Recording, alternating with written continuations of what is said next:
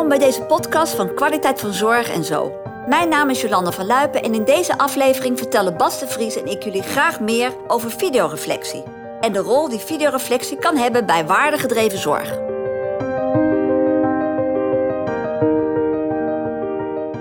Bas, we hebben het in onze eerste podcast gehad over waardegedreven zorg. In podcast 2 over waardegedreven zorg in de praktijk. En over samen beslissen natuurlijk. Maar toen is ook het begrip eh, videoreflectie langsgekomen. En daar wil ik graag wel meer over weten. Wat is videoreflectie eigenlijk? Dat zijn twee woorden. Het een heeft te maken met bewegende beelden, video. En reflectie heeft te maken met het begrip um, ja, reflecteren.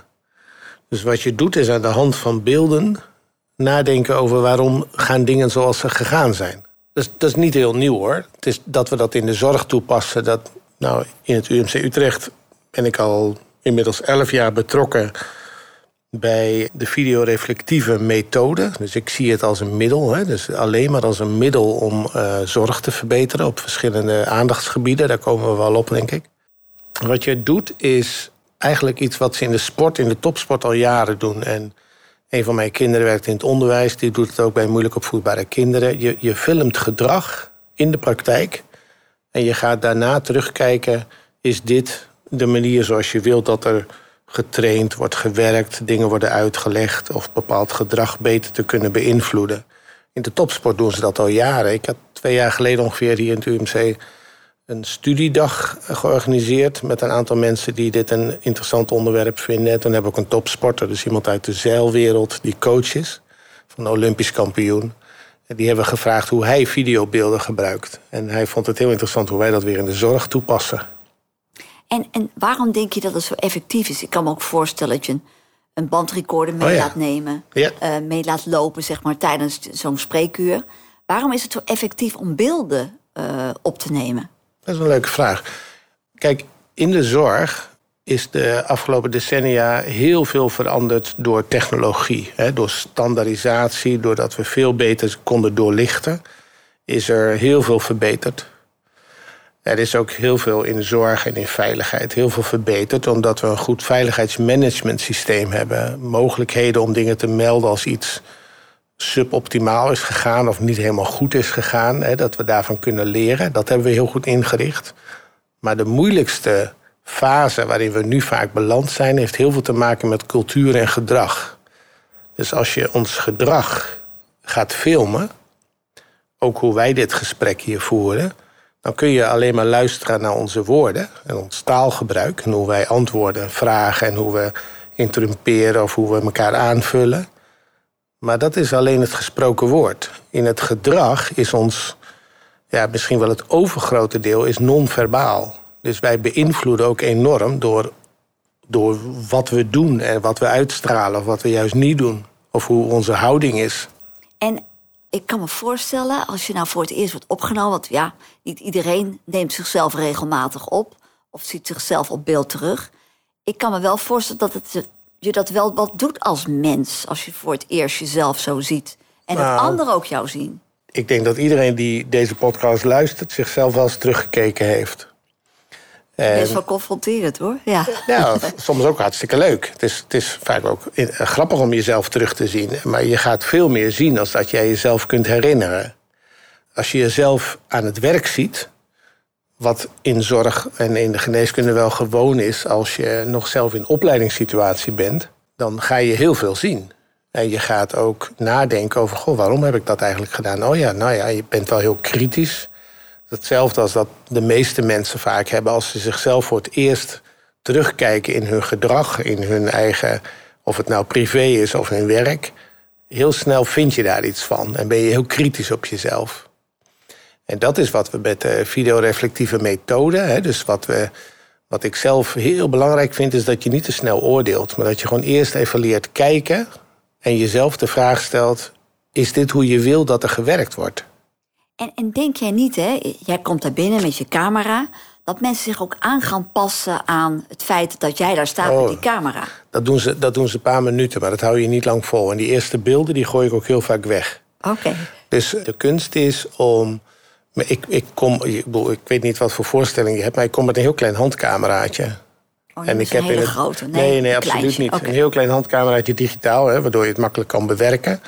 Kijk, je probeert eigenlijk als een soort vlieg aan de muur aanwezig te zijn. Zo min mogelijk op te vallen. Dus als ik op de operatiekamer opnames maak... dan loop ik ook in die kleding die daar gedragen wordt. Dan sta ik tussen de mensen in. Uh, ik denk altijd even na over mijn positie waar ik ga staan. Dat ligt eraan welke vragen er gesteld wordt om videoreflectie toe te passen. Dus als voorbeeld, wij zijn begonnen met een heel grote studie naar overdrachten van de operatiekamer naar de intensive care. Daar verplaats je een patiënt met een heleboel technologische, nou, met allemaal lijnen, met allemaal apparatuur, eh, met een hoop verantwoordelijkheden die overgedragen worden. Er wordt, wordt heel veel gepraat, er wordt heel veel gedaan. En als je in het begin die mensen hun beelden laat zien, dan dwingt dat meteen bij hen tot nadenken over waarom doe ik dat? Oh ja, dat doen we, oh ja, maar dat deed ik omdat die dat deed. Of dat, oh ja, dus je gaat allemaal patronen zien.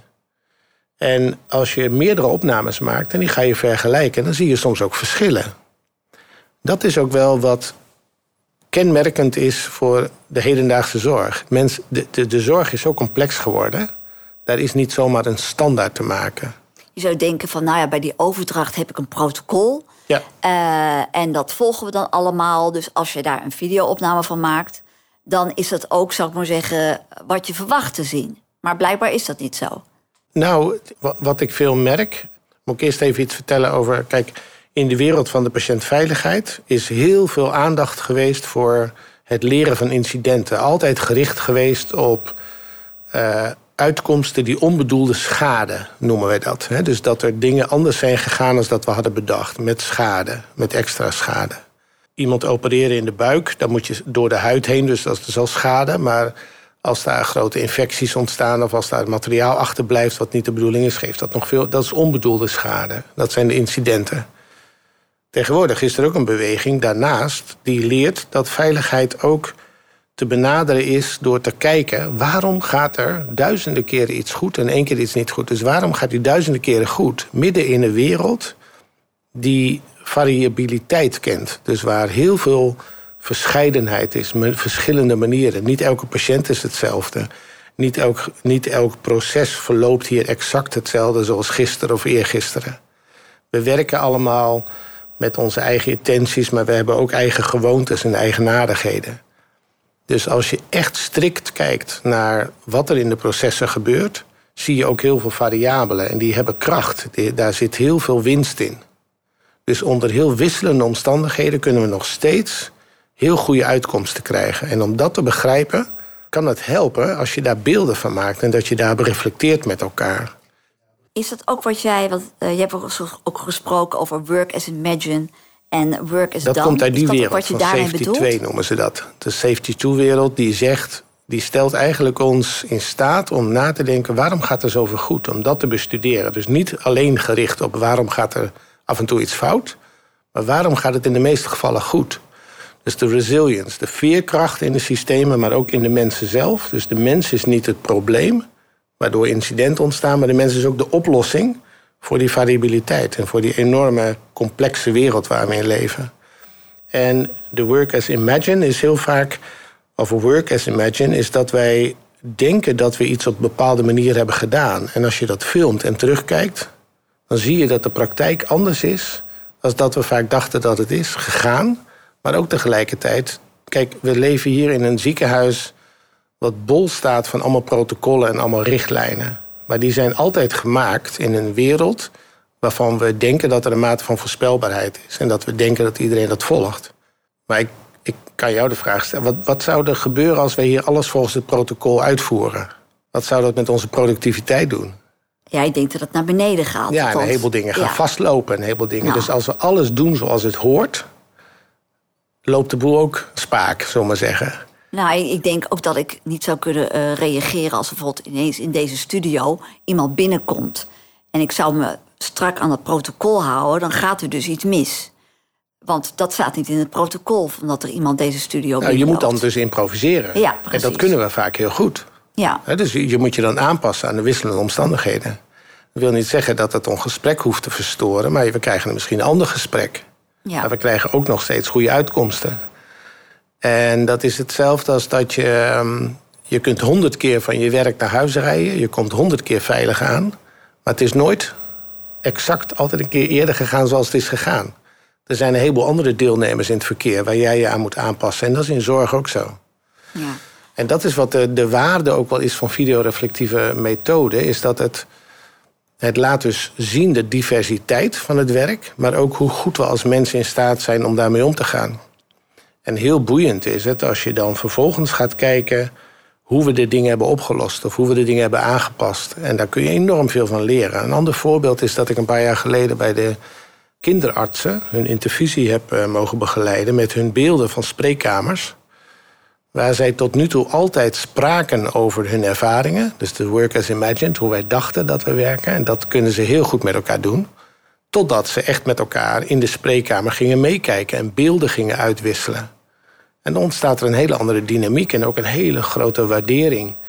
Van, je hoorde, ik hoorde mensen ook zeggen in die interviews: van, wat knap hoe je dat oplost. Wat, het is een hele, hè, is een moeilijk gedrag van die ouders. En nou, dat ze ook heel veel waardering voor elkaar kregen. Uh, nou, heb je, uh, nou ben je ook aan de slag gegaan bij het schiesersteam. Ja. Daar heb je twee dingen volgens mij in kaart gebracht. Eh, het zorgproces, zal ik maar zeggen. Dus je bent zeg maar, de patiënt gevolgd.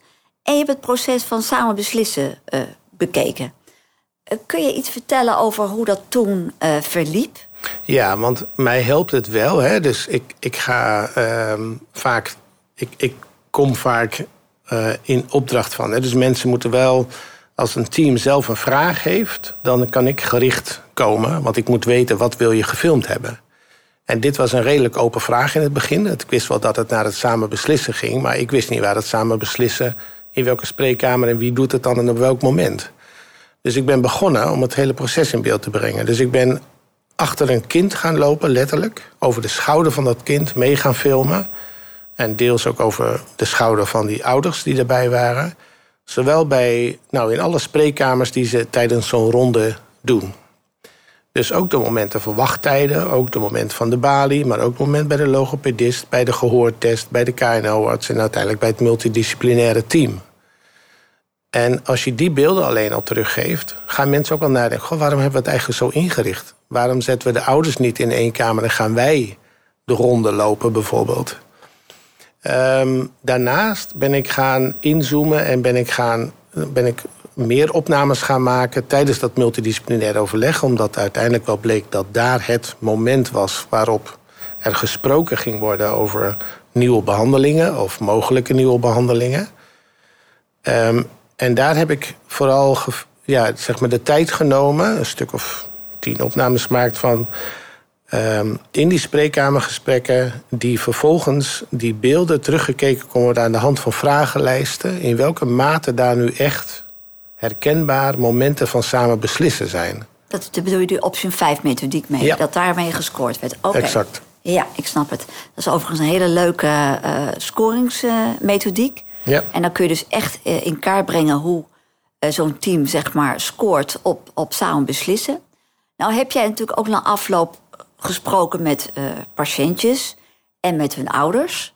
Um, wat heb je daar nog uh, van, van teruggehoord? Ja, dat werd bij mij wat getriggerd, omdat ik het jaar daarvoor, uh, ook al langer in het kinderziekenhuis, um, interviews doe met ouders, samen met een van de AJOS kindergeneeskunde. Um, en dat zijn interviews die ik afneem, waarbij ik puur de ervaring ophaal van ouders in dit geval. In hen vraag wat zij beleefd hebben in die periode tijdens de opname van hun kind.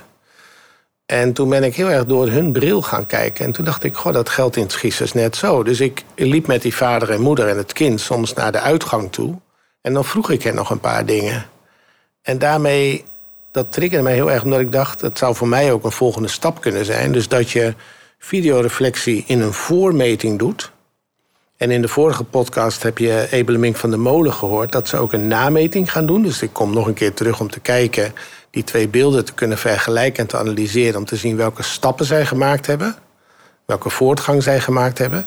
Maar ik zou nog een stap verder willen gaan en ook deze beelden willen gebruiken om te reflecteren met de betreffende ouders of het oudere kind als hij oud genoeg is. Ja, dat zou dit Omdat een hele je daarmee, mooie... Nou, daarmee krijg je heel veel directe feedback om prems uit te vragen. Dus de evaluatievraag in plaats van vragenlijst. Heel levend dingen terug te horen hoe ouders dat hebben ervaren. Dat kunnen we hier opnemen, maar dat kan ik ook aan hun keukentafel thuis doen, bij wijze van spreken. Ja, ik ben heel benieuwd wat daaruit komt. Dat lijkt me ook wel weer van meerwaarde voor, uh, voor het crisisteam zelf in dit geval.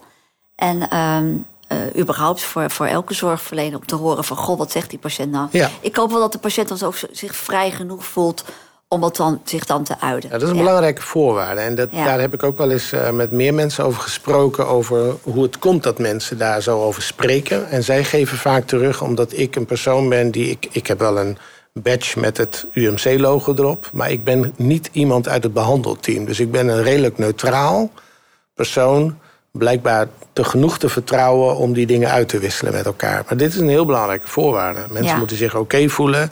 En ik, ik zeg ook altijd hardop: u, u mag zeggen wat u wil. Het heeft geen enkel effect op uw behandeling of wat dan ook. Maar wij willen van u leren. Wij willen dingen horen, zodat wij de zorg kunnen beter maken. Ja. Dat brengt mij ook op de, op de voorwaarden. Stel je voor, ik, uh, ik wil graag, ik heb een ander team, een ander zorgteam. Wat zijn nou de voorwaarden in, van mijn team om aan videoreflectie te kunnen doen? Ja, een absolute vereiste is dat natuurlijk alle betrokkenen wel vooraf toestemming geven voor de opname. Um, en dat zij goed geïnformeerd zijn over het doel en de aanpak van de videoreflectietoepassing. En verder, je moet wel een vraag hebben. Een pro ja, probleem is een, uh, is een beetje beladen woord, maar je moet wel een concrete verandervraag hebben. Waar, wil je dat ik op focus? Waar ik in mee kan denken? Dat is één ding. Het andere is dat ik ook heel erg zou waarderen als mensen elkaars beelden zouden vrijgeven. Dus dat, net als die kinderarts die ik in het voorbeeld net noemde, dat ze van elkaar ook de beelden kunnen meekijken.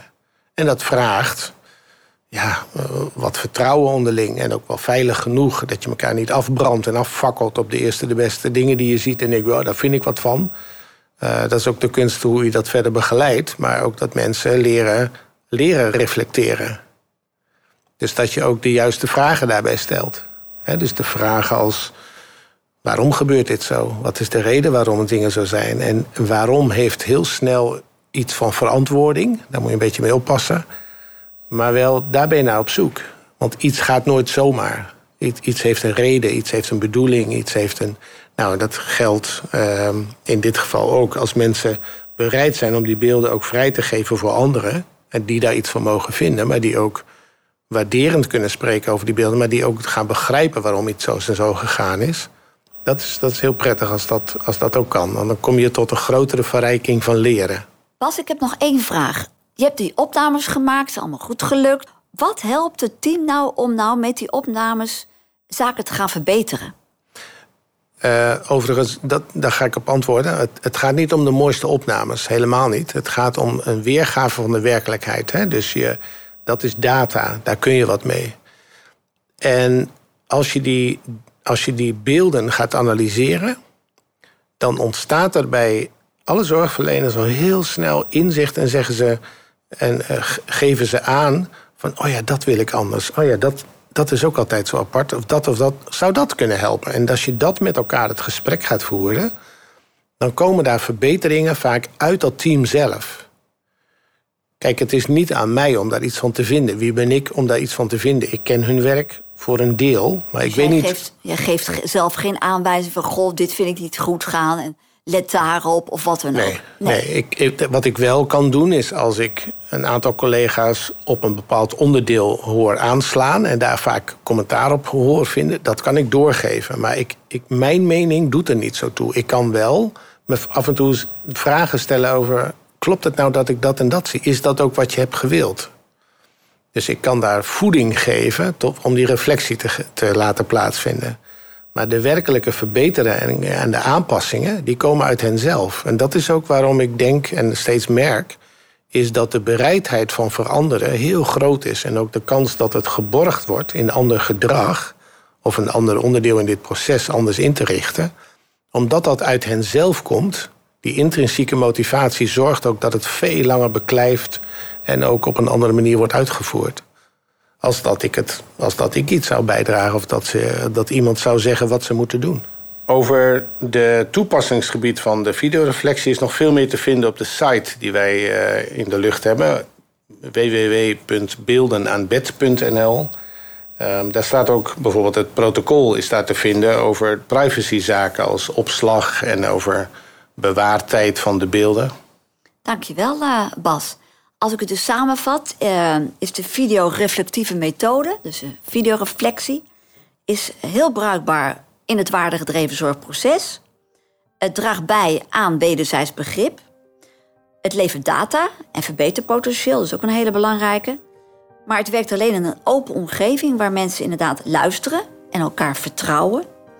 En ik denk, als ik het zo hoor, het richt zich niet alleen op het wat, maar ook vooral op het waarom en het hoe. Heb ik het zo goed samengevat? Ja, zeker. Dat is een goede, kernachtige samenvatting. Mooi, helemaal goed. Dank Bas, uh, weer voor deze uitleg. Ik kijk nu alweer uit naar de volgende podcast. Voor nu, bedankt voor het luisteren en tot de volgende keer.